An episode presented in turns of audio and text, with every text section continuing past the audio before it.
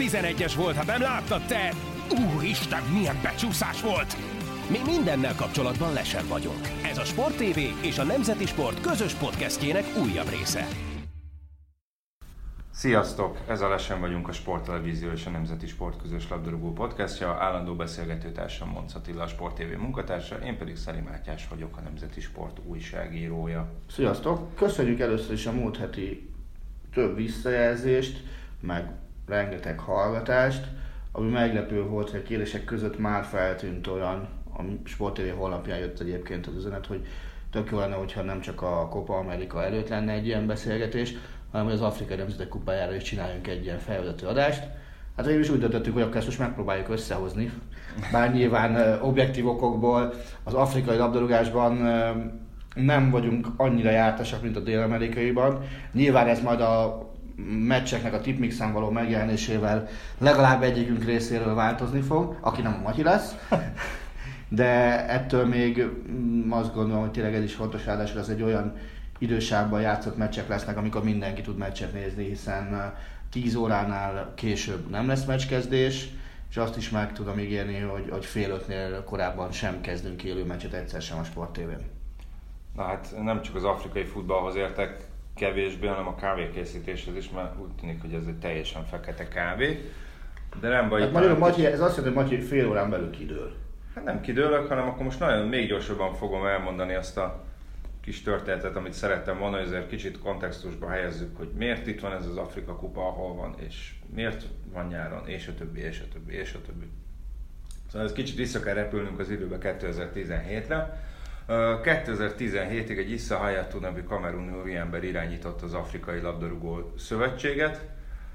Hát ő a plegykák szerint, mondjuk így finoman, a, a, ennek az időszaknak az egyik legkorruptabb politikus, sportpolitikusának számít. Pedig azért ezért a tisztségért versenyeztek sokan, nem csak a futballban, tehát azért Igen. mondjuk vegyük az atlétikai szövetséget is, ahol szintén volt egy nagyszerű korrupt elnök, Primo Nebbiolo személyében, aztán ugye a futballszövetségére is azért csak át egy Zsolgó Avalanche, meg csak át egy Szebb Blatter. Hát igen, lehet, hogy, lehet, hogy lehet, hogy nem volt esetleg olyan nagy formátumú, mint, mint említett úriemberek. Vagy, vagy, vagy ha vegyük például tényleg ott van Amerikában, Észak-Amerikai Futballszövetségén, az ott is hemzsegtek a, a... Hát az nem azért, ez a CONCACAF ugye, ami a köz, észak-közép Igen. és karib, és akkor ugye ott volt Jack Warner, aki állítólag még a Haiti földrengés károsultaknak küldött pénzt is lenyúlta magának. Na mindegy, hagylak kibontakozni Ahmed, Ahmed, nem tudom Szóval, szóval ö, de ugye helyett nem sikerült soha elkapni, semmiért, ugye őt is, ővele kapcsolatban is plegykálják, hogy, hogy Katartól, Katariaktól másfél millió dollárt ö, kenőpénzt kapott a VB-ről döntő szavazás előtt, de nem sikerült őt elmeszelni, és igazából senki nem is gondolta volna, hogy neki az egyeduralma megtörik itt az Afrikai Szövetség élén, de mégis 2017-ben egy Ahmad Ahmad nevű madagaszkári úriembert, korábbi politikust választottak meg a helyére, hatalmas meglepetésre. És hát nagyon sok pozitívumot lehetett olvasni Ahmadról az elején. Bevallotta, hogy strukturálisan azért nincs teljesen képbe itt az afrikai labdarúgással azért kinevezett egy ilyen szakértőkből álló bizottságot, hogy vizsgálják át a szövetséget, bombázzák őt mindenféle tervekkel és ajánlatokkal. És aztán kiderült, hogy a, a főtitkára ő szép csendben elkezdett gyűjteni egy dossziét arról, hogy ő elkezdben ő milyen visszaéléseket uh, foganatosított, vagy hogy dolgozott közben saját zsebre is, legalábbis az ő vágyai szerint. Ez most egyelőre Hát az egyik legnagyobb form, hogy egyelőre az egyik legnagyobb formátum ilyen történet az volt, hogy nagyjából olyan 200 ezer euró értékben rendeltek sportfelszerelést a FIFA-tól, vagy FIFA-tól, vagy a bocsánat, Pumától. Azt uh, amit hirtelen, új hirtelen, fogott bele. hirtelen ő azt mondta, hogy nem, az most nem kell, legyen új rendelés, és hogy egy másik sportszergyártótól rendelte, viszont egy közvetítő cégen keresztül, ami elég ritka, mert általában közvet, közvetlenül a sportszergyártótól vesznek, csak ez a, csak ez a, ez a rendelés már majdnem négyszer annyi pénzbe került, tehát már milyen 800 ezer, 8-900 ezer euró közül, körül, és egy olyan cég intézte ezt, ami elvileg nem, ilyen, ilyen, nem ez a profilja, és a gyanú szerint köthető valamilyen szinten Ahmadhoz. Hát, hogy valami ismerős a vezető, vagy valami hasonló. Ez egy francia cég volt. Na most erre válaszul Ahmadot durán két és fél hete őrizetbe vették Párizsban, egy nap azután, hogy Gianni Infantino FIFA elnök azt mondta, hogy hát a FIFA megtisztult, nincs semmi korrupció, minden átlátható. Nyilván ez nem szorosan véve FIFA ügy, de Ahmad FIFA alelnök is, tehát ez e, főleg egy nappal ezután ez nagyon-nagyon rossz fényben töntette fel a FIFA, és hát a Infantino dühön, dühöngött is. Nagyon viszont Ahmadot elengedték anélkül, hogy megvádolták volna bármivel, bár valaki hozzátett, hogy egyelőre.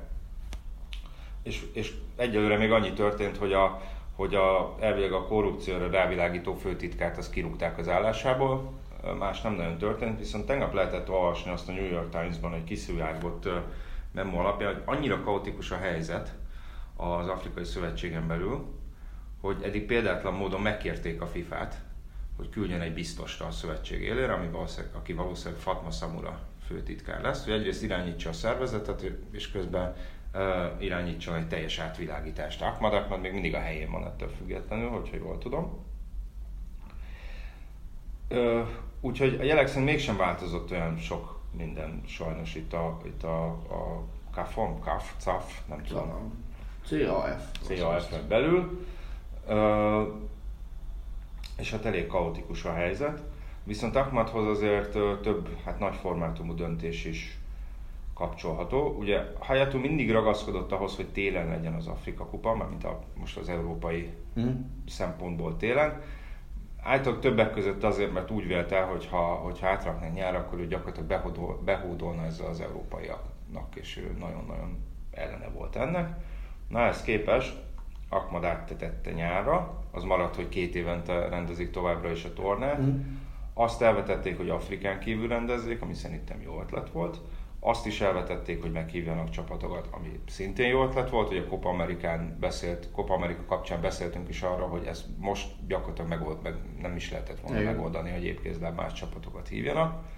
Illetve, ami a legnagyobb vízhangot váltott ki, ezzel lehet, hogy le kellett kenyerezni néhány szavazót, ugye 16-ról 24 csapatra bővítették a mezőnyt, és most befejezek is monológomat, itt kérdezném téged, hogy egy jó ötlete, hogy nyáron van ez az Afrika kupa, kettő jó ötlete az, hogy 24 csapatos az Afrika Kupa. És addig Nézd, folytatom az, hogy, az, hogy jó ötlete, az, az, az több nézőpontból is érdemes megvizsgálni. Én azt gondolom, hogy abban a szempontból biztos, hogy nem jó ötlet, hogy a kontinens tornák fedik most egymást. Tehát a Copa Amerika, meg az Afrikai Nemzetek Kupája. A negyed döntőig, ugye? Konkrétan mától fedik egymást. Hát igen, de azt mondom, hogy az Afrika Kupa ja, negyed döntőnél ér véget a Copa America. Igen, ugye a Copa America az június, vagy július 7-én ér talán véget. Aha. És, és ugye az egy vasárnapi napot lesz este 10-kor majd a döntő. És ugye addig Afrika Nemzetek Kupája plusz, bár az nyilván kevésbé tűnik fel, de ugye zajlik a aranykupa is, ugye az észak, tehát a konkav zónának a, a kontinens tornák. Meg a női VB is. Meg a női VB, meg az U21-es EV. Tehát nyilván ez így egyszerre, hogy, hogy megy öt nagy torna, uh-huh. amiből uh, ugye egy zajlik a FIFA égisze alatt, és akkor egy-egy-egy-egy-egy, meg a, a, a többi nagy szervezet égisze alatt. Ez így egyszerre szerintem sok és nem jó, és, és senkinek nem állhat érdekében, hogy ez, ez így legyen. Még akkor is, hogyha nyilván mondjuk a dél-amerikaiak, azok, azok legalább az időeltolódás miatt kikerülik a meccseknek a, mhm. a jelentős részét. Hát, meg az aranykupa is az aranykupa, aranykupa és a, a kopa viszont fedésben van elég uh-huh. jelentősen. Tehát ez, ez így szerintem nem jó. Nyilván egyéb okokból persze tök jó, mert legalább hasonlít valamiféle egységes versenynaptár az egész történet, és nem torzulnak január-februárban. Na de ez, ezt akartam kérdezni, hogy, az, hogy ezt akartam mondani, hogy ez mondjuk nem nem ez az egyik nagy előnye, hogy nem kell vitázni az európai klubokkal, az, kell, az, az, az hogy nem kell több, több kitalálni? Tehát én nyilván azt nem tudod megcsinálni sajnos, hogy egymás után tolod le a, a különböző kontinens tornákat a nyáron, mert akkor, akkor valakinek vagy nem lesz szünete, vagy belelógnak bizonyos bajnokságok kezdve, vagy hasonló. Ettől függetlenül én azt gondolom a legnagyobb hiba az az, hogy, hogy nem takarodnak vissza páratlan évekre.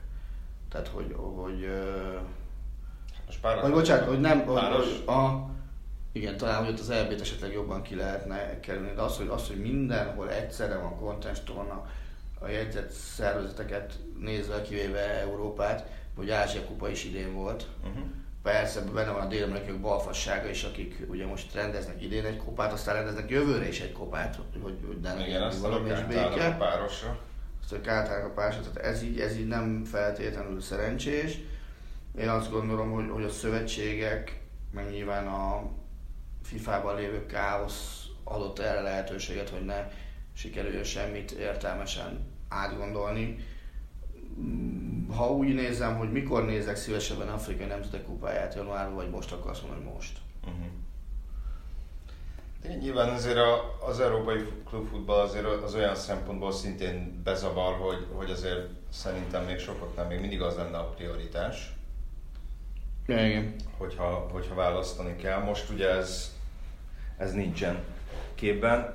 Hát ugye a bővítés az meg az, akit gyakorlatilag akivel beszéltem, vagy akiről olvastam, az mind azt mondta, hogy ez egy elég pocsék ötlet, hiszen ez alapból ja, egy kicsit egyetlen, egyenetlen színvonalú torna. Nyilván Nézd, erre azt mondom, hogy, hogy ez egy, ez egy bevált recept a labdarúgó berkekben, hogy bővítsünk tornát, szerezzünk szavazatot és szerezzünk pénzt. Hívom. Ugye ezt, ezt Blatter megcsinálta kétszer, ha jól tudom, egyszer biztos, nem egyszer, egyszer, egyszer ő csak egyszer. Ő csak egyszer, igen. Um, és nyilván Várjál?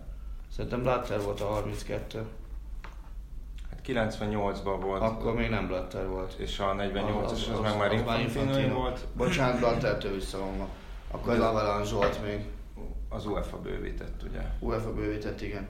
Szóval én az, de a 48 is borzasztó lesz a világbajnokság terén. Három tehát sem, sem arról, be, arról beszéltünk elég sokat, meg még fogunk is, de most szerintem ezt hagyjuk.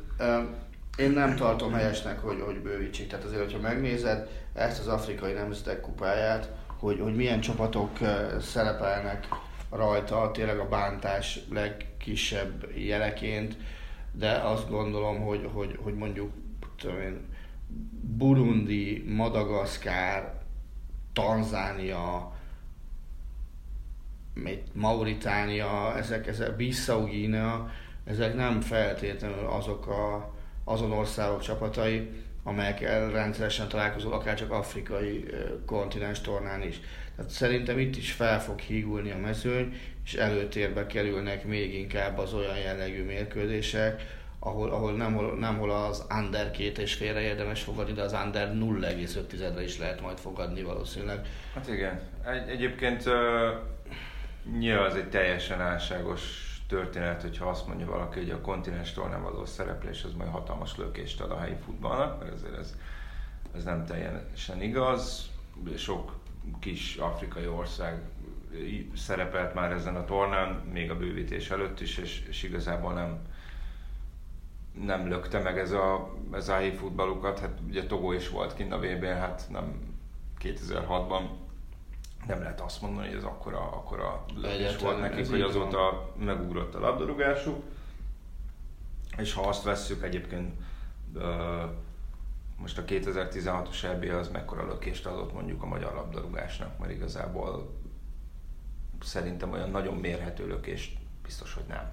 Azt gondolom én is, hogy igen. Ha azt néz, már ha csak azt nézzük, hogy mondjuk a torna után hány válogatott játékost vittek el külföldi klubok, akkor, akkor meg pláne nem.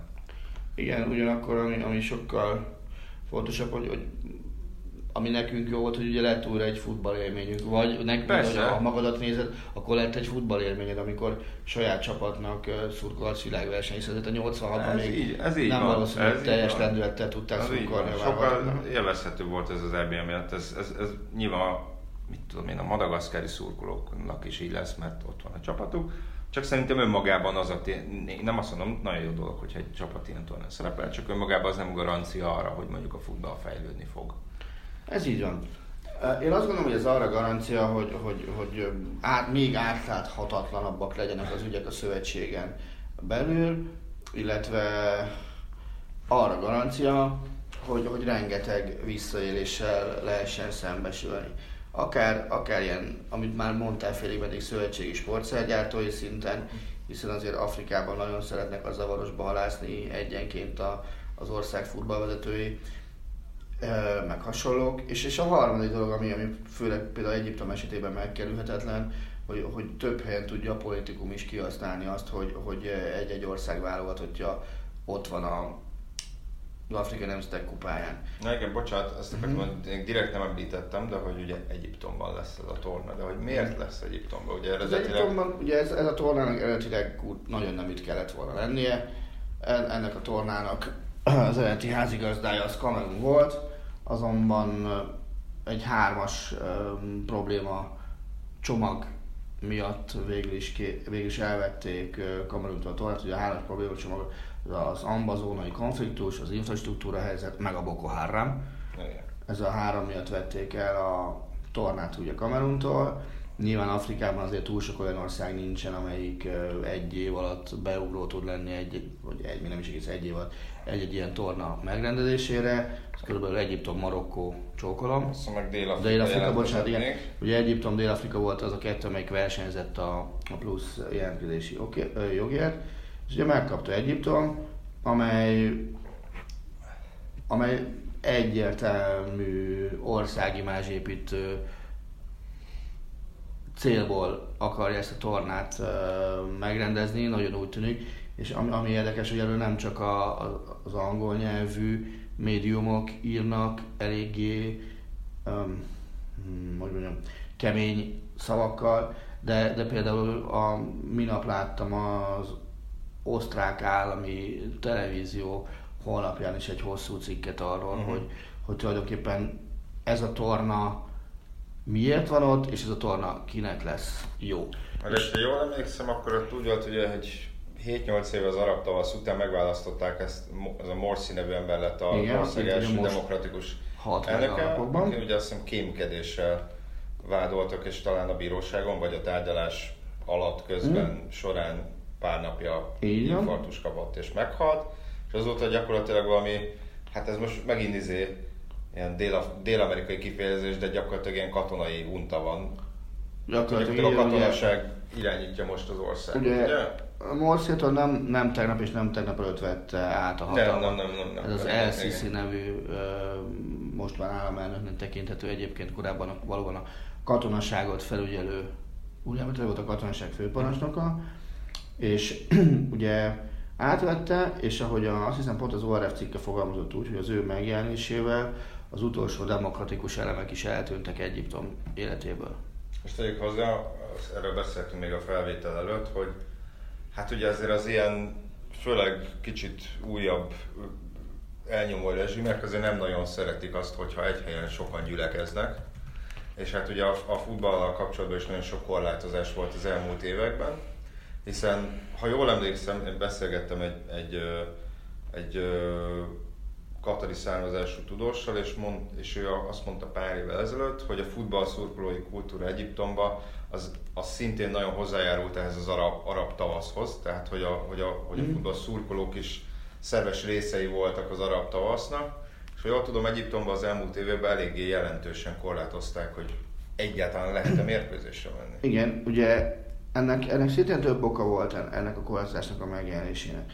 Az egyik ilyen oka az az volt, hogy, hogy amikor még Mubarak ellen, hogy Hosni Mubarak volt szintén álmák, ellen tüntettek, oké, stadionok becsuk, kész. Utána ugye volt a mindenki egyik legjobb stadion katasztrófája futballmeccsen, akkor azt mondták, hogy stadion becsuk ismét ott, ott talán egy évre is uh-huh. sőt, ott fel is függesztették ugye a, a bajnokságnak a, a lebonyolítását. És aztán végül is most ott tartanak, ha jól tudom és jól emlékszem, hogy meccsenként 5000 néző mehet ki uh-huh. a stadionba, de az ő jelenlétük is előzetes regisztrációhoz van kötve.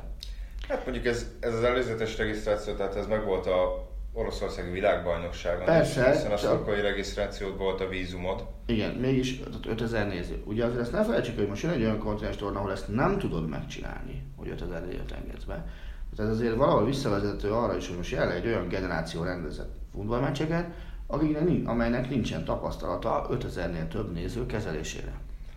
Hát elég katonával azért mindent meg lehet oldani. Persze, csak ha a saját országodat kell csak regulázni, vagy a saját országod állampolgárt kell regulázni, az egy másik dolog, most még 23 másikat is kéne. Uh-huh.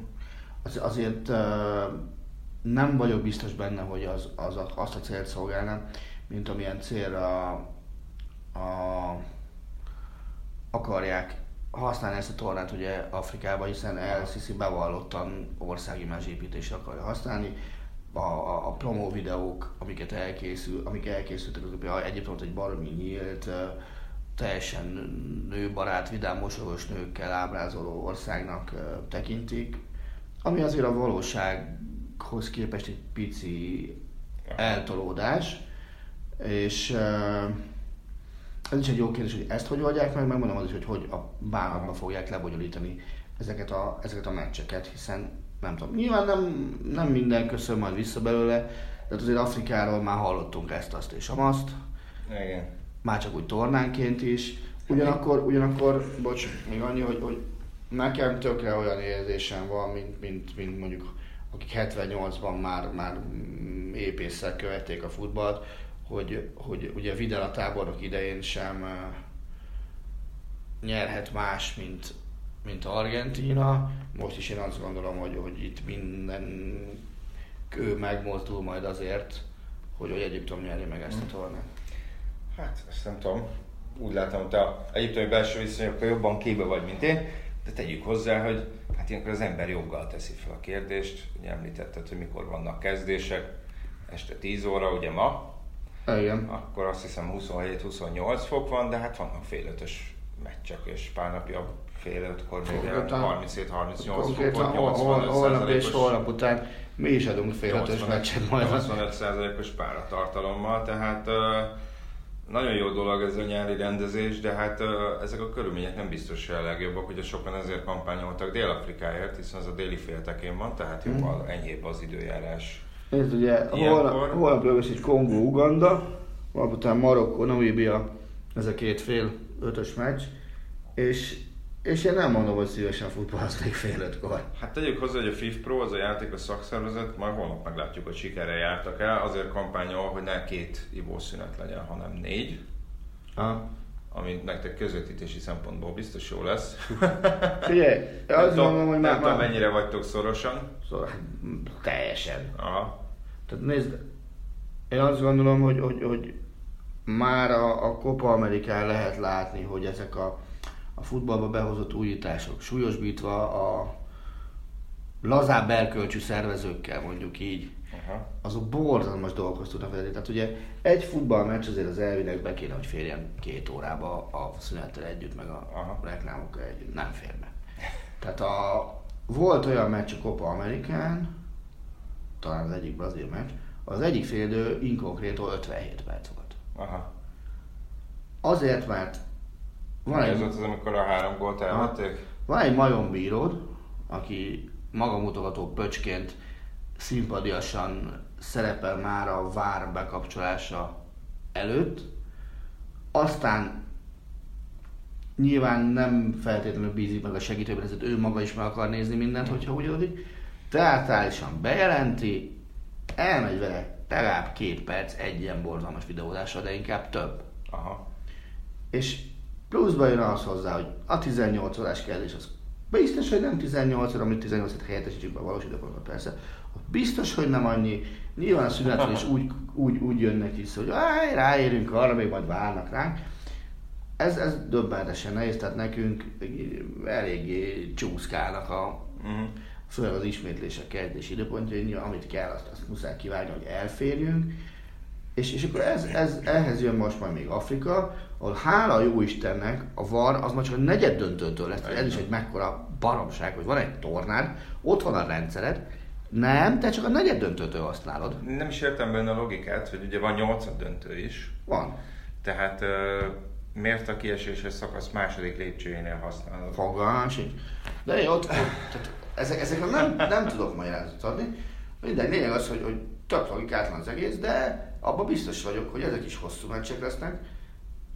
A csoportban még talán meg fogjuk úszni a hülyeséget. Ott, ott, ott, csak, ott csak majd sokszor lesz szerintem az, hogy isznak, utána kis lassú menet lesz, remélem a vúzelákat elírtják a francba, és, és nem fogott megjelenni mindenfajta ilyen hangulatkeltő eszköz. Ugyanakkor azt is nagyon remélem, hogy az afrikai nemzetek kupájára jellemző ilyen extra történetek, azok, azok dögivel jönnek majd, tehát a, lelátó és színes egyenléseken túl a, a pályákkal kapcsolatos problémái mind, mind, mindenre lehet számítani. Hát, már Gána az már jól kezdett, hogy az a Magien az lemondta a válogatottságot, mert nem lett a csapatkapitány, amire a gánai elnök fölhívta, és akkor 24 órán belül meggondolta magát, és mégis mégis visszatért. Az az ilyen beszélgetését egyszer megadni, hogy mi van benne, pénz vagy börtön a, a, a, az alátámasztandó hát, őt, őt ismerve inkább pénz, hiszen ha? azért az ő pályafutását elnézve az volt a fő motiváló erő. De kicsit visszatérve a csapatokra, ugye azért, amikor mondtad, hogy neked az az érzésed, hogy itt Egyiptom fog nyerni, hmm? Azért ez nem lenne egy olyan nagy meglepetés, abban szempontból, hogy, hogy, hogy, a hazai rendezésű tornák közül talán egy kivételével az összeset megnyerték, azt hiszem négyet rendeztek. Ugye alapból ők nyerték a legtöbb Afrika Igen. kupát, és akkor még mondhatjuk És alapból nyert, náluk játszott a kontinens legjobb sztárja, így van. Tehát, tehát azért, meg azért ez az egyiptomi válogatott, ez, ez nyilván erősen érződik rajta a, a, az európai hatás. Ami, ami persze nehéz nekik az, hogy, hogy ugye Gína ellen játszottak egy felkészülési meccset a minap, ugye ott Salah ispadozott, egy sokáig Kejta pedig sérült a másik oldalon, uh-huh. tehát ez így, ez így nehéz hát meccs igen, lehetett. Ugye, ugye Gínánál azt mondják, hogy ott, ott, ott gyakorlatilag, hát nem csak, de azért nagyon sok múlik azon, hogy Kejta milyen állapotban, tehát ugye ő meg a BL döntőről is lemaradt sérülése miatt. Igen. Az biztos, hogy az egyik fő kedvencem az Egyiptomban fog, fog játszani, ugye én nagyon-nagyon szerettem Trezegé játékát a francia változatban, most Egyiptomban fogom megcsodálni a másik Trezegét.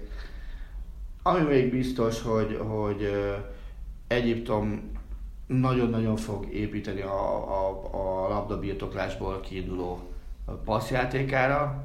Tehát én azért, ha nem is gárdiolai magasságú labdabirtoklás, de ezt azért 60% fölött kell, kell lenni a labdabirtoklásnak szerintem Egyiptomnál. És hát ami viszont, meg, meg, meg van egy valami ismert játékosuk, persze El Saravi a kapuba az, az ott van szerintem úgy, úgy a születésünktől körülbelül az egyiptomi válogatott kapusok is tudással. Ugyanakkor ugye ismerjük nyilván Elnenit, azt Elnenit azt ismerjük, Szalát ismerjük, Trezegéről hallottunk. Tehát... Hát és Madagaz- Madagaszkáron meg ott van Romário Baggio. Na jó, tehát Madagaszkári válogatottról ott rendezhetünk egy névkiejtési versenyt. hogy ott hogy, kész, megkeresem hogy, a keretet. Kész, hogy készített fel a... a... Én sehogy nem szerkeztek.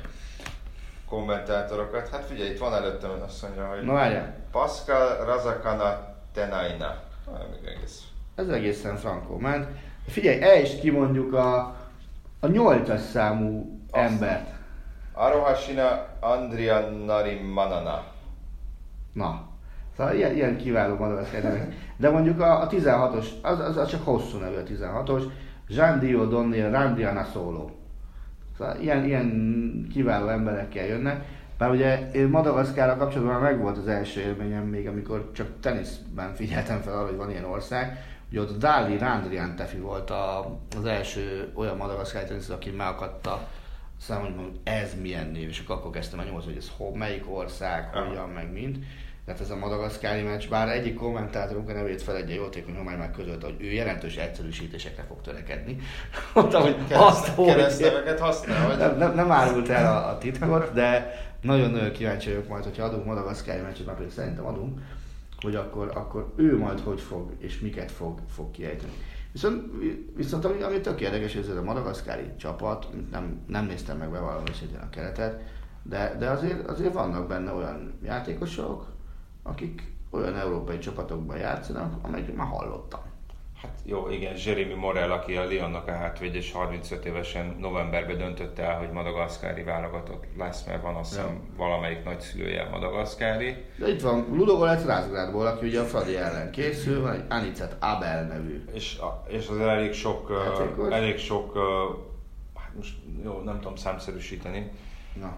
De azért sok olyan játékos van, aki Franciaországban született és Persze. nőtt fel, és az utóbbi hónapokban években győzték meg, hogy válasszák Madagaszkárt. Mondjuk ez olyan szempontból nem meglepő, hogy 552 játékos uh, neveztek a tornára, a legtöbb az Franciaországban játszik, 95. De ez, ez, ez azért bármikor volt Afrikai Nemzetek Kupája, ezt, ezt ez nyilván ennek történelmi ö, okai is vannak. Ugye a második legtöbb az Dél-Afrika, 45 talán, és aztán meg Anglia 43. Várjál, Itt ez nem csak Premier League. Elnéztem otthon írásba és elnézést, nem El Shenabi, El Shenabi. El Shenabi, igen. igen. igen. Lehet, hogy rosszul mondtam, csak azért mondom. Nem tudom, mert kicsit elharaptad, azt nem tudtam eldönteni, hogy El Sharavit mondasz, Én is, de tisztázzuk, az El Shenabi az biztos. És kettő El Shenabi nevű kapusuk van. Ahmed és Mohamed. És, és hát azért tegyük hozzá, hogy, a, hogy az edzőket elnézve hét francia szövetség kapitány van, nyilván most a saját cikkemben idézek, nyilván, hogy, hogy, hogy az embereknek a, a legismertebb azt Alan, Alan Gires, de a leginkább a játékos, Szerintem Alan Delont fogod mondani. nem, leginkább játékos pályafutása miatt, aki számomra a legérdekesebb azért az mégis Hervé Renár, a marokkóiak szövetség kapitánya. Ő szerintem már nyert Afrikai Nemzetek Kupát. Ő az egyetlen, aki két különböző csapattal megnyerte. Zambiával és Elefántcsontparttal, és most ő Marokkó kapitánya, ami azért lesz izgalmas, mert ugye Elefántcsontparttal vannak a, a csoportkör, egy csoportban, Az és, egy fasz a csoport egyébként, és-. Marokkó, Elefántcsontpart, Dél-Afrika. és tegyük hozzá, hogy ez azért izgalmas, mert ugye egy Zambiával 12-ben a döntőben Elefántcsontpartot győzte le, azt mondja, hogy Elefántcsontparttal nyert Afrika kupát, aztán a legutóbbi VB kvalifikáció során meg Elefántcsontpartot megelőzve jutottak ki a világbajnokságra, úgyhogy itt van egy-két ilyen, ahogy az angolok mondják, subplot, tehát hogy ilyen, ilyen hogy mondjam, mellékszál, Uh-huh. és, és hát ugye azt mondják, ez is azért elég érdekes, mert, mert két különböző viszonylag tekintélyes labban, két egymásnak gyökeresen ellenmondó uh, dolgot olvastam a marokkóiakról. Az egyik az az, hogy Marokkó agresszív letámadással operál, ezért ez az egyiptomi hőség ez nem biztos, hogy jó lesz neki, mert, mert gyorsan el fognak fáradni. Egy másik cikk meg azt írta, hogy észak-afrikai ország lévén ők hozzá vannak szokva ehhez a klímához, úgyhogy ez nekik csak előnyös lesz. Jó, csak er- erre mondom azt, hogy azért ne, én azt mondom a klíma esetében, vagy a klímához való akklimatizáció esetében szerintem nem feltétlenül abból kell kiindulni, hogy, hogy mi az ország neve, hanem abból, hogy hol játszanak a játékosai. Hiszen azért a játékosok az év Hát, hát nagyobbik részét azt nem 80%-át azt nem a, a hazájukba töltik, ahol esetleg ez probléma lehet. Most érted, nézegetem itt a Hát marokkói válogatott- marokkóiaknál csak elég azt mondani, hogy ugye ott van Ziyech és Mazraoui az Ajaxból, Igen, Hakimi a Dortmundból, aki mi a Dortmundból. de van, hát, vannak. Lehet, hogy lehet, Idrissi ugye az Ázat Alkmárból, ugye Dirár az em, a Fenerbahce talán, nem? igen, de régen Monakóban volt, tehát Aha. meg nyilván ott van Bussufa, a- aki a veteránok közé tartozik, ugye régen Anderlechtes volt, Ó, meg, bizony, bizony. meg Oroszországban is És szerintem még megfordult. US Landa focizott együtt az Anderlecht. Igen, igen. Hát meg De El Ahmadi, El Ahmadi is ö, volt Feyenoordos. Meg hát ugye ott van Benátia is, vagy Benácia, Szaniszló kedvenc védője egykoron. Amrabat, aki a PSV-be indult és nagy tehetségnek készült, aztán talán nem futotta be azt a pályafutást, ami, Ah, ugye ami ö, igen, aki egyébként most visszatér a PSV-hez mellékesen. Tehát Marokkó is egyébként az esélyesek közé tartozik, aki, hát ugye végül nem jutottak tovább a csoportjukból a VB-n, de uh, Szenegál egyébként nagyon szervezett futballt játszott, legalábbis amennyire én őket láttam a világbajnokságon. Tudod mi a döbbenetes? Fogadói lelek otcai. Szenegál a második legnagyobb esélyes. De nem véletlenül egyébként, szerintem mondom, nem Ah, jutottak tovább a VB csoportjukból, nagyon szervezett csapat volt. Egyébként nem hiszem, amikor azt mondják, hogy európai focit játszanak. Persze, hogy európai focit játszanak, mert a, mert a játékosoknak több mint a fele. Európában futballozik, és lehet, hogy még ennyi volt, ami, a, aki európai futballban szocializálódott és nőtt fel, és nyilván taktikai fegyelem nélkül most már nem tudsz bekerülni egy, egy top csapatba. És ugye volt játékosok, Alius Cissé a szövetség kapitány, Oké, okay, nyilván Mané a legnagyobb név, aki Mm. mm. szintén ezt a, hát talán egy kicsit szabadabban futballozik, mint Liverpoolban, amennyire én észrevettem, hogy szintén ez a papíron bal szélső, de azért elég sokat húz be Mm. középre. Ugye ott van Kulibali a Nápoliból, aki egy baromi jó védő, ott van a Sáké Salif Sané, aki, Aki egyébként védőként meglehetősen masszív igen, szerintem inkább védekező középpályást játszott, de ő is valami egészen elképesztő fizikummal Igen, tehát Ö, egy tömbből pattintott ében fekete óriás. De te, tehát valami nagyon, nagyon durva. Én azt én a, mondom, a lengyel meccsen láttam őket, és az volt az érzésem, hogy gyakorlatilag néha ráindult egy-egy ilyen izé labda, lecsorgó labdára, és így tényleg féltettem az életét annak, aki szintén arra a labdára mozdult rá, mint egy gyors vonat. Olyan. És azért, hogyha megnézed volt. ezt a szenegáli keretet, tippelj, hogy hány olyan játékos van a szenegáli keretben, aki Európán kívül játszik. Szerintem... Szándékosan Európát mondtam. Szerintem Törökország minden, bizony. Konkrétan nincsen benne olyan, aki ne Európában futballozna. És ugye, ha, ha sorban az országok szerint ugye van francia, olasz, görög, angol, német, spanyol, török, belga, ennyi. És, és mondjuk a csapatnevek között azért csak fölbukkannak olyanok, hogy Napoli, valami Barcelona, Liverpool, Inter. Ez nem egy, nem egy, nem egy trade gárda. És, és a másik, ami nagyon, nagyon durva most, hogy így nézegetem a keretet, hogy azt tudom meg, hogy hány olyan játékos van, aki 30 év fölötti ebből a keretből. Hát szerintem az se sok. Szerintem itt mindenki most pont a jó korban van, ilyen 27-28 körüliek Na, egy számot, hogy hány van 30 fölött. Kettő. Hát kettővel kevesebb. Hát akkor. Konkrétan nincs 30 év fölötti játékosok. Mm. Úgy mentek erre a tornára. Ez, azért ez, az, ez a válogatott, ez, ez akár még a, a jó számok, hogy három év múlva esedékes világbajnokságon is nagyon sok mindenre jó lehet? Hát elképzelhető. De mondjuk arra, hogy kiussanak, arra mindenképpen. Hát, viszont arra kíváncsi leszek, hogy ugye Kamerun egyébként részt vett a selejtezőbe, tehát ki is jutott.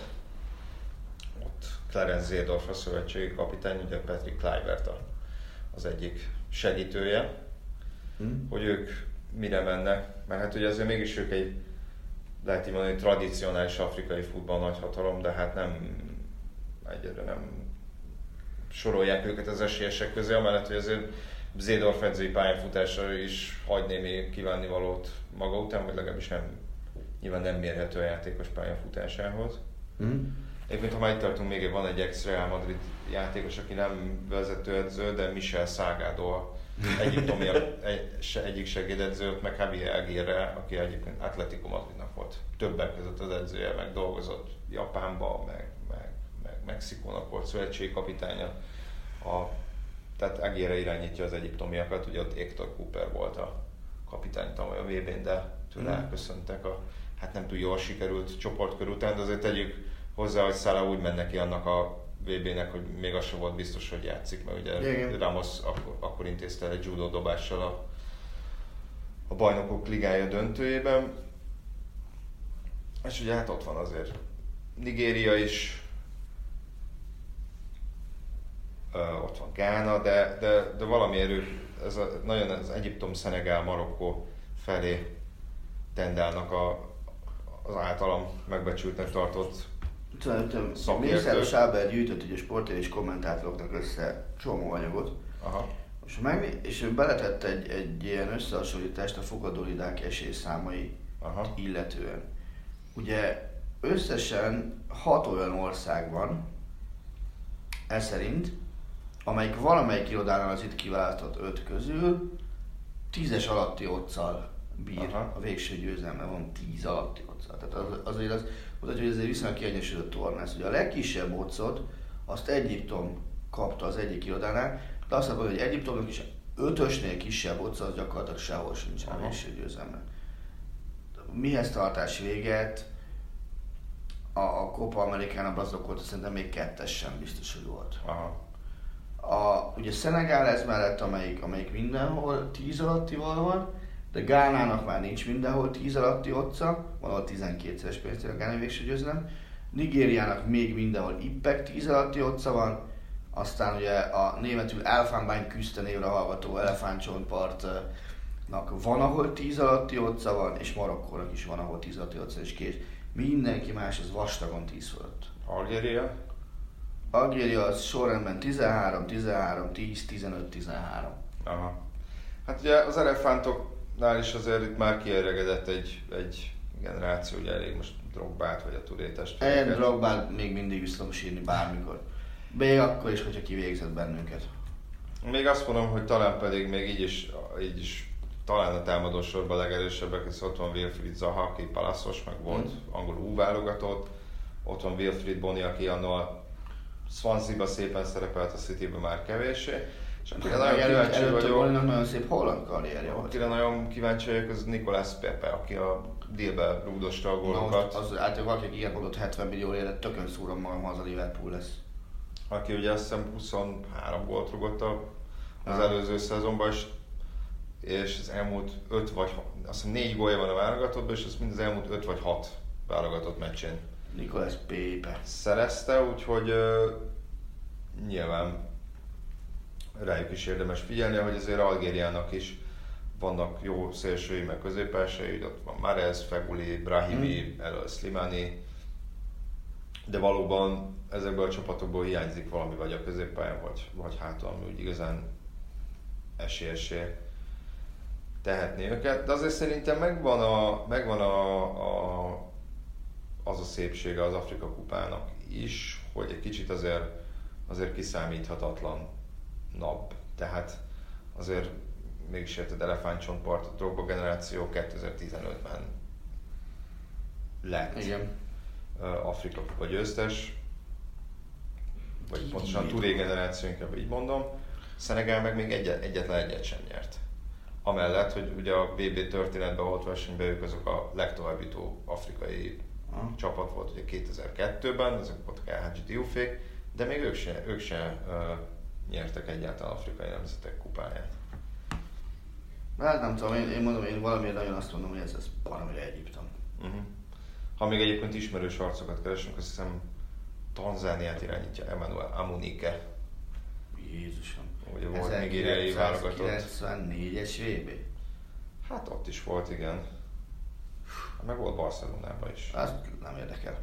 Azt hiszem ő volt, most ebben nem vagyok biztos, és hát elnézést, hogyha ezzel valakit Na. Na, csak a 90-es VB-n volt, úgyhogy jól emlékeztem. Azt hiszem ő vele, ő vele kapcsolatban szórakoztak, hogy valamelyik barcelonai csapattársnak az édesanyjával volt intim kapcsolata. Na de mindegy.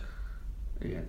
Viszont, hogy kicsit elkanyarodjunk Afrikától, mert azért itt, itt messze nem olyan jó a forrásban egy lefedettség, mint mondjuk a Copa Amerikánál volt, hiszen Afrika Nemzetek Kupa elévén az, az anyagok döntő többség az franciául szól a nagy néphez. Hogy ez történt két olyan esemény, ami ott a legutóbb leültünk beszélgetni, ami szerintem megér néhány szót. Ajaj. Kezdjük azzal, ami, ami akkor nem minden szemnek maga felé válik a kezés, nem a Hummel sztorira mennék rá. Szári Juventus. Hát figyelj, én nagyon örülök neki, mert most már tényleg a hajamat téptem ettől az állandó Guardiola Juventus hírözöntől, amikor szerencsétlen kapcsolat teljesen tisztán hogy nem megy a Juventushoz. Ah. És ehhez képest az olasz lapok egyfolytában bedobták a nevét. Ez egy nagyon idegesítő gumicsont volt. Mm. Hát nagyon-nagyon kíváncsi leszek, ez egy érdekes kinevezés. Jaj, bocsánat. És hát főleg az, hogy a Szári a saját játékstílusát azt majd hogyan tudja én, ráerőltetni a Juventusra. Én nem is mennék oda, hogy játékstílus. Szári a saját stílusát hogyan tudja ráerőltetni a Juventus?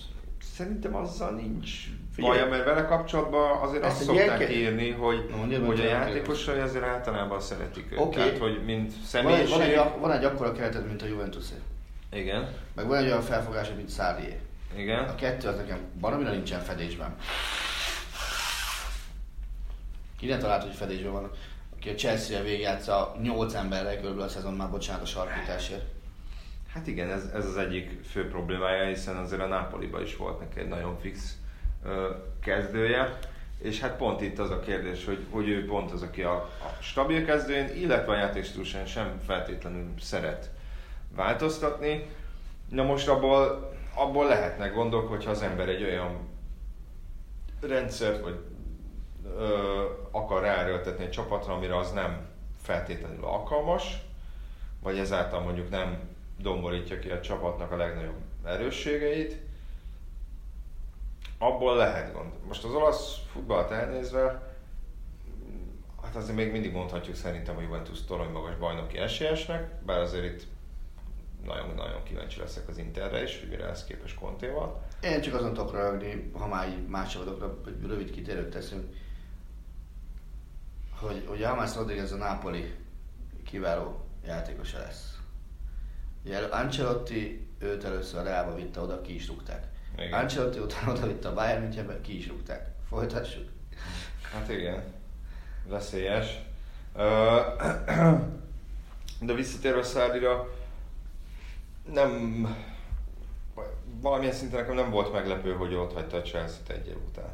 És Tehát csak nagyon, nagyon sok, hogy nem jó az a házasság. Nagyon sok kritika érte őt is, a játék stílusát is.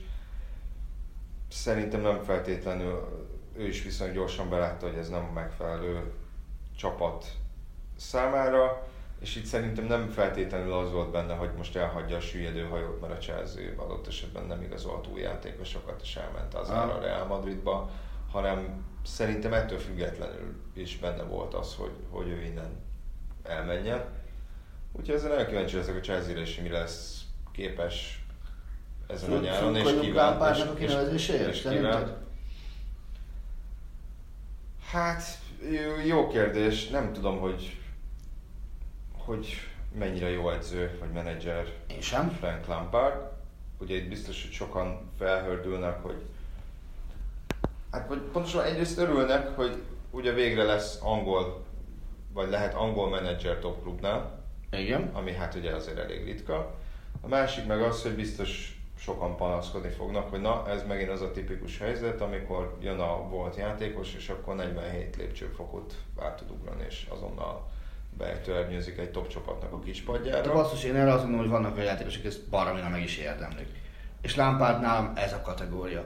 Hozzáteszem... Na jó, de azért azért kispadot, azt nem az e, kispadot, nem a játékos pályafutás alapján kell osztogatni, szerintem. Ez nem feltétlenül, de, de mondom, én Lampardnál nem tudok szólni egy rossz szót se, hogyha ő kispadot kap, hagyjuk már.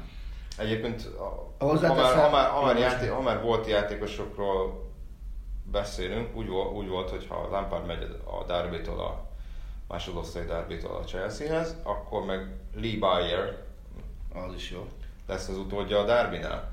És minden jel arra is mutatott, hogy ez össze is fog jönni, mert ugye a Boyer az feljutatta a charton a másodosztályban, a Charlton az egyébként lehet, hogy ismerős név, a Duseteré család kezében van. Most még.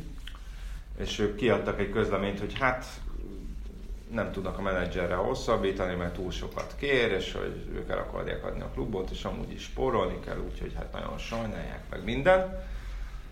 Erre másnap kiadtak egy közleményt, hogy mégis hosszabbítottak. A második hogy a Szárin túl vagyunk. Nyilván úgyis Ronaldo dönti hogy mi lesz a sors. A második, ami történt a héten, még mindig nem megyünk Münchenbe, menjünk Rómába. Totti. Igen. Normális az a rendszer szerintem? Hát figyelj, ebben nem másztam bele ebbe a, ebbe a történetbe. Én ugye nagyjából képbe voltam, az, nem a magam jó szándékából, hanem... Amit ennek kapcsán olvastam, uh, tehát amikor egy Róma mind... szurkol leír azt, ezt a Róma nevű szarkupacot, tehát az azt akartam, amit akartam mondani, hogy uh, amit ennek kapcsán olvastam, az mind, minden írás láthatóan erős érzelmi felindulásból mm. uh, született. Nyilván a többség az az, az hogy, hogy a Róma az lábon lőtte magát, és, és hogy a vezetőség ebből igazából nem nagyon tud jól kijönni, mert tényleg az a, az a látszatja az egésznek, hogy, hogy egy klubikon talán a legnagyobb klub, klub ikonjától szabadul meg, és hogy egy ilyen embernek nyilván az az előnyös, hogyha van egy normális felelősség teljes posztja, de egy, egy ilyen embernek kell találni egy posztot a, uh-huh. a klubban belül. És voltak azok a hangok, amik jóval kevesebben és csendesebben voltak, amik Tottit egy ilyen megosztó személyiségnek tartották, mert mint úgy, hogy, hát, hogy azért szeret furkálni, ez, ez mondjuk néhány volt edzője is megtapasztalhatta, és nem biztos, hogy nem biztos, hogy, hogy, hogy annyira ellenségesen kéne fogadni ezt a döntést. Ez egy, Jó, ezt egy, nem egy, tudom, egy, de egy én is inkább, inkább hajlanék arra, hogy hogy őt a klubnál kell tartani. Azt nem tudom, hogy, azt nem tudom, hogy milyen szerepről, milyen szerepről fekszik neki, nem tudom, hogy nem tudom, hogy mondjuk sportigazgatóként ő mennyire le, lenne hasznos. Azért tegyük hozzá, hogy, hogy ugye amerikai olasz tulajdonosai vannak a, a Rómának. Én, én próbálom azt hinni, vagy szeretném azt hinni, hogy, hogy egy olyan döntést hoztak, hogy ezen kicsit felülemelkedtek, hogy próbálnak szakmailag értelmes döntéseket hozni, bár ez az elmúlt évek kapcsán egyébként nem volt rájuk. Volt, ezt, van, egy, van egy klubvezetőség, meg van egy klub, ami mondjuk a Róma. Az elmúlt idény után, amikor ugye a Róma még az Európa Ligába is ilyen békonyálon csúszott be körülbelül, mm. megteheti-e azt, hogy szembe megy a saját közönségével, amelyiknél Totti megítélése teljesen egyértelműen imperatore, uh-huh. körülbelül, és, és, és kirúgja, adva még egy támad, oké, okay, papíron nem kirúgta, hanem papíron Totti ment el, adva még egy támadási felületet, amit nem tudom, hogy adott esetben akár bajnoki címmel is el tud hárítani. Ezt én sem tudom. Na igen, de fordítsuk meg, hogy mi van akkor. Tottinak van egy feladatköre, amit mondjuk nem jól végezel. Hogy tegyük hozzá, bocs, Totti azért nem a legokosabb ember a világon. Igen. Azt nekem a Szanisztó Csabi szokta mesélni, hogy a magyar szőkenős viccek, Azt a Totti viccek, igen, nekem is mondta egy olasz ismerősöm. Hogy uh, mi van akkor, hogyha Totti nem végezte jól a munkáját, de tudja azért, hogy ő mekkora ikon Rumában, és elkezdett több vagy nagyobb felelőssége járó feladatokat követelni. Akkor, akkor mit mondasz neki klubvezetőként, hogy azt mond, hogy hát bocs, te nem, és akkor kiakad és elmegy, vagy kirugod, vagy, vagy azt mondod, hogy hát fú, lehet, hogy el fogja cseszni itt a struktúrát, de azért adjunk neki egy állást. Nem, biztos, hogy nehéz. Én, én ebből a ilyen, Egyébként egy ilyen poszt lehetne ilyenkor a mondjuk elnöki tanácsadó. Igen. Tehát én azt gondolom, hogy találni kellett volna olyan pozíciót, ami a kecske káposzta, kecske káposzta elven működik. Hát persze, nyilván egy ekkora, egy ekkora klubnál Magyarországon is tudunk olyan példákról, nem csak futballból, amikor egy klublegenda nem feltétlenül akarja megérteni, hogy már a végén vagyunk a történetnek, és neked jobb lenne, hogyha a klub szolgáltában dolgoznád a más pozícióba. Nem akarok neveket mondani, mert, mert senkit nem szeretnék megbántani. És, és azt gondolom, hogy, hogy ilyenkor azért érdemes elgondolkodni mind a két félnek, hogy mivel segít többet a klubnak, ha tényleg szereti azt a klubot. Tehát, hogy érdemes-e a végletekig önzőnek maradni um, a, a klub, klubbal szemben a saját érdekédet előtérbe tolva, vagy sem. Ezért mondom, hogy, hogy ezt, nem, ezt ezért nem látok be annyira nehéz így állást foglalni, de az, abban tényleg egyetértek veled, hogy, hogy valamit, valamit lehetett volna találni, és nem az, hogy ezért, mit tudom én, rendszergazda legyen, vagy portás. Igen. Azért ezt más kluboknál is megoldották Olaszország, Olaszországban is. Hát vagy egy kitérővel aztán visszaveszik őket, lásd most a Milán Paolo Mandini.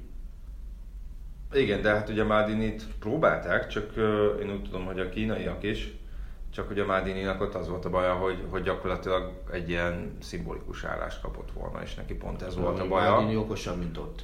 Ez volt a baja, hogy ő nem azt mondta, hogy állítólag, hogy addig nem akar itt, nem akar visszatérni a Milánhoz, amíg nem adnak neki egy normális feladatot, ah. és most úgy tűnik, hogy, hogy ez lesz a helyzet, hiszen ugye Leonardo a sportigazgató elment, és visszament Párizsba, Mádini pedig maradt. De azért mondom, hogy, hogy viszont a Romával kapcsolatban meg vannak kétségeim, mert nekem kicsit kaotikusnak tűnik itt az elmúlt pár év átigazolási fronton és sportvezetői fronton és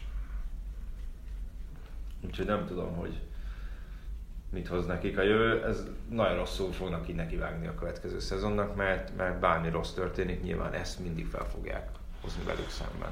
Persze. Na és akkor a harmadik pont. Mats Hummels Bayern Dortmund. Hát figyelj, azt nem tudom, hogy hogy fog játszani a Dortmundban, azt tudom, hogy a Dortmund után hol fog játszani. Nyilván három év múlva Bayern megveszi, a jelenlegi tervek szerint 41 millió euróért, és akkor újra ott védekezhet. Én azt nem, nem, nem, úgy volt, itt, itt, itt, nem úgy volt ez az egész, hogy itt nem Boatengnek kéne elmennie? Én azt gondolom, hogy a, a, de, de szerintem az is lesz majd a megfelelő kötőzve a mondatban Tehát Aha.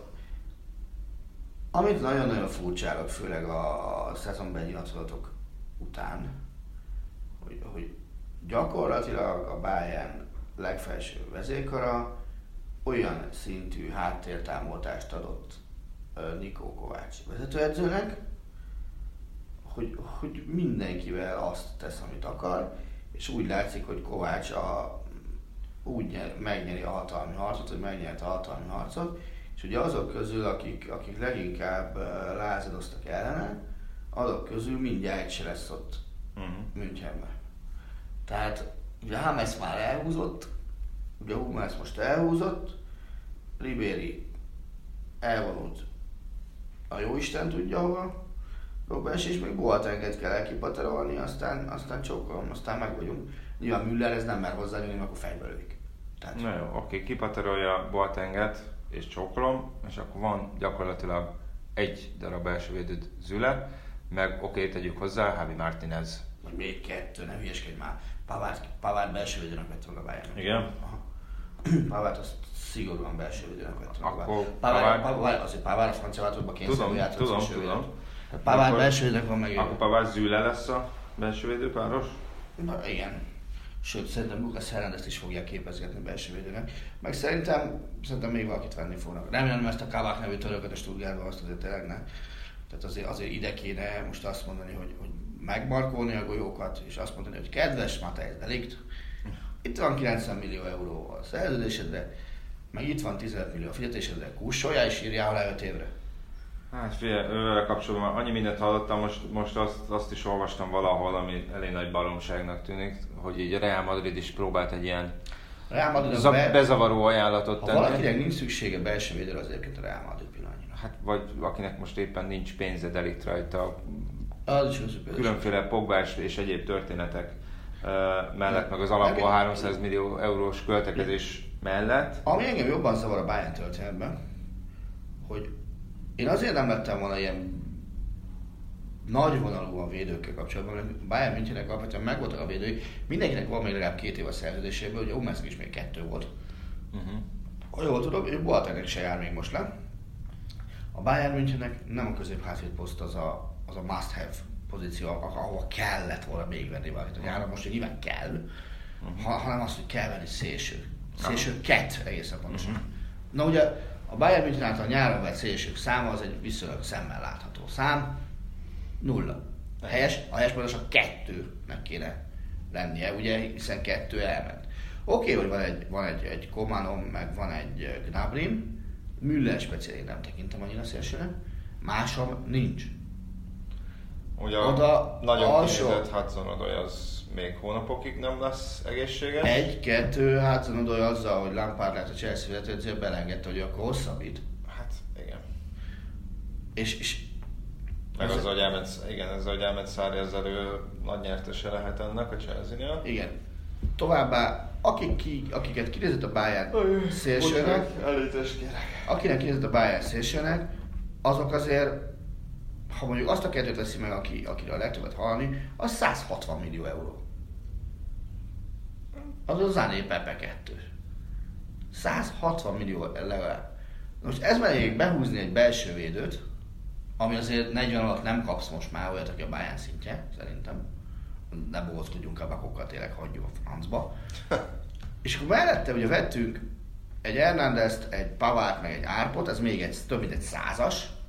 Bayern München ezen a ponton elköltött ezen a nyáron 300 millió euró fölött. És kit adott el egyelőre Hummelsen kívül? Hummelsen kívül pénzért senkit. Annyi fizetésebben spórolt egy nagyot, gondolom Ribéry és Robben táv- távozásával. Hát a Hummelsen keresett két forintot. James Rodriguez Real Madridos fizetését kellett állni, Mhm. ami szintén sok volt. Uh-huh. Ez fizetésben megy lefelé, persze, de basszus, oké, még a 300 milliót is ki tudja fizetni a Bayern egyébként igazolásokra. De az logikátlan lépés, hogy, hogy elengedsz két közép hátvédet akkor, amikor nem lenne gondol, most meg azt is kell keresni. Hát Oké, még csak egyet engedett, de nyilván. ennyire biztosnak tűnik Boateng távozása?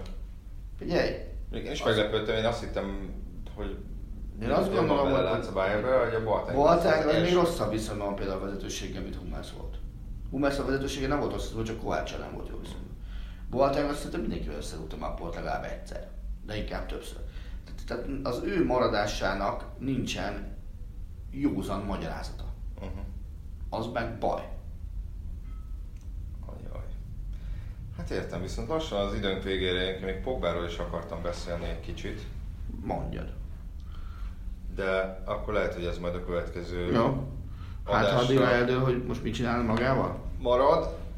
Illetve az is, hogy azért persze nyilván múlt, múlt héten beszéltünk a Copa Amerikáról, ami elkezdődött. Hát az argentinok talán még a amúgy sem túlzottan magas elvárásainkat is Én most. Katar, én most Katar szurkoló vagyok.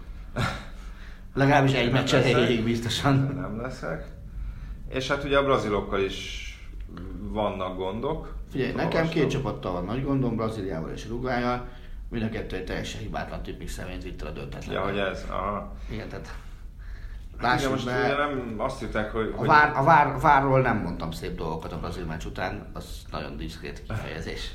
hogy a brazil meccsek nézőszám azért hagy elég erős kívánni valót Szerintem az valószínűleg. összes nézőszáma, hogy kívánni. Hát a brazil is, ami ez egy hazai rendezési torna esetében elsőre meglepőnek tűnhet.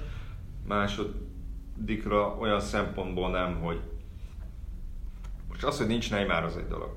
Az inkább az a problémásabb, Nincs foci. szerint, hogy a jegyárak, Sok. Igen. ami lehet, hogy európai szemmel nem sok, de azt hiszem a brazil meccsekre a jegyárak, ha jól, ha jól emlékszem, az úgy nagyjából az ottani minimálbérnek a fele. Bocs, Tehát itt, egy darab meccsre egy havi minimálbér fele. itt egy bekötés, bocsánat, Egyiptomban is ugye az Afrikai Kupán ezzel gond lesz. E- Egyiptomban az ország lakosságnak kétharmadéra minimálbére vagy az alatt. Mm. Zárójel betárva. A harmadik, ugye, amit mondta, hogy a futball, mind a két meccsen kifütyülték a Mhm. brazilokat, még a 3 0 meccsen is, mondjuk ott a félidő 0 volt, ha jól emlékszem, Igen. tehát ott a félidőbe kaptak igazából, és akkor utána, utána azért, hát ha nem is parádéztek, de azért simán megnyerték a, Mm. a meccset. Ugye Dani Alves is próbált itt uh, mondani, hogy hát azért nem voltak az első meccsen, mert hogy Sao Paulo drukkerek vannak, és hogy ezért még ez a klub, de valószínűleg nem. Illetve hát az, amit szintén itt egy Guardian cikk emelt ki, hogy ez a brazil válogatott most otthon játszik, meg Copa Amerika van, meg a VB selejtezőkön. Egyébként minden, minden meccsét külföldön játsza, minden felkészülési mérkőzését külföldön játsza, és így nehéz vagy talán nem lehet olyan erős érzelmi kötődést Mm. kialakítani a szurkolókkal. Nyilván ez nem egy új keletű dolog, ez már nagyon sok ideje megy, hiszen azért a, a brazil szövetség is azért a profit maximalizálásra megy, és nem feltétlenül a saját szurkolóival foglalkozik, Mm. hiszen a brazil válogatott az még, most megint ezzel a csúnya szóval élve, egy elég jól eladható brand még Hát mindig. figyelj, ugye ez azért is, azért is egy jó példa, hogy meg hogy milyen felfogásban dolgoztak a brazilok. Néhány évvel ezelőtt azt képzeld, hogy volt olyan, hogy a brazil válogatott idegenbeli meccseit árulta a brazil szövetség csomagban küldetési jogként. Tehát olyan ugye nincsen, hogy a hazai meccsekről lemondasz. Tehát nyilván eleve úgy iratták meg a szerződéseket, hogy ahova megyünk, ott is mi rendelkezünk küldetési joggal. Uh-huh. Az idegenbeli meccseket, tehát hogy, hogy, hogy ez, egy, ez egy gazdasági vállalkozássá ö, minősült át, ami a válogatott körül van. egy olyan gazdasági vállalkozás, azt szerintem megint azt hiszem alsó hangon a legutóbbi három szövetségi elnök az vagy börtönben van, vagy nem meri elhagyni Brazíliát, mert nehogy az amerikai hatóságok letartóztatják, és még, és még Hm? El is hiszem. El is hiszem. Ö, tehát érted, amikor Ricardo Teixeira, aki Avalanche-nak volt a, a veje, Igen.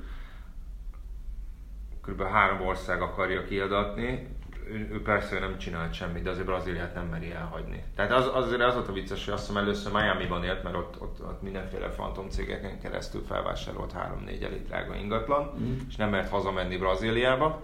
Aztán utána visszament Brazíliába, és most nem meri elhagyni Brazíliát. Mert ugye ilyen olyan pénzügyi bűncselekménnyel vádolják az FBI nyomozása után, amire jól tudom, a brazil hatóságok nem adják ki. Tehát Mhm. nem erőszakos bűncselekmény, vagy drogcsempészet, Aha. vagy ilyenek. És hogy így nagyon nehéz elindít, elintéztetni a kiadatását. Na mindegy, ő már a múlt szerencsére. De visszatérve a válogatottba, hogy igen, ez a, ez a kapcsolat, ez, ez, ez, ez mint halazón. Ettől függetlenül egyébként Oroszországban azért relatíve sok, sok szurkolójuk Mhm. volt, vagy nem annyi, mint mondjuk a, a kolumbiaiaknak, vagy, vagy az argentinoknak. Mhm. Legalábbis ránézésre egy brazil meccsen voltam, én a belga brazil, brazilon voltam tavaly. Mm. Illetve, illetve hát ugye ez az állandó probléma, ami, ami nagyon sok országban felvetődik, hogy igen, ezekkel a jegyárakkal gyakorlatilag már nem csak a szegényeket szorított ki lassan, hanem az alsó középosztályt is a, a, a meccsekről. Hát pedig ott azért Brazíliában a futball az még inkább népügy, mint ami nálunk volt valaha is. Hát igen, igen. Tehát most mondhatunk bármi mást, nem, a Brazíliában ott tényleg a... Hát a klub szinten a rajongás még mindig nyilván... De a válogatottól is igaz volt ez. Ez, ez, ez megvan, de, de a válogatottól... És szerintem, szerintem ilyen országban nem szabad elitista szemlélettel közelíteni a válogatotthoz, mint hogy a szövetség közelít. Hát itt, de ez a baj, hogy, hogy ez a szemlélet van. Én szerintem nem szabad. Van mégis. De hát ezzel nem tudunk mit csinálni. Na. Ez a nézzetek nagyon sok meccset a következő napokban. Jövő héten próbálok a meccsekről is beszélgetni, hogyha nem felejtjük el. Hát azért így is eléggé szépen Igen. szép hosszúra nyúlt ez az adás, pedig sok minden lett volna még, amiről beszélni akartunk. De majd legközelebb, addig is köszönjük, hogy hallgattatok minket, hogyha bármi kérdésetek van, nyugodtan tegyétek föl. Hogyha az lenne a kérdés, hogy mikor beszélünk a magyar válogatottról, akkor azt mondom, hogy sajnos azt Szeptemberben. Nem tudom, ha csak nem történik valami olyan nagy történés a válogatott kapcsán, amiről érdemes megszólalni, akkor szerintem igen valószínűleg augusztus-szeptember lesz. Úgyhogy hát sajnálom, akinek csalódást okoztunk azzal, hogy nem beszéltünk itt az utolsó válogatott szünetről, de úgy voltunk, hogy már kicsit túl vagyunk rajta, és nem akartunk ilyen messzire mm. visszalőni. Ettől függetlenül köszönjük, hogyha ennek ellenére is meghallgattatok minket. Sziasztok! Köszönjük, sziasztok! A műsor a Béton partnere.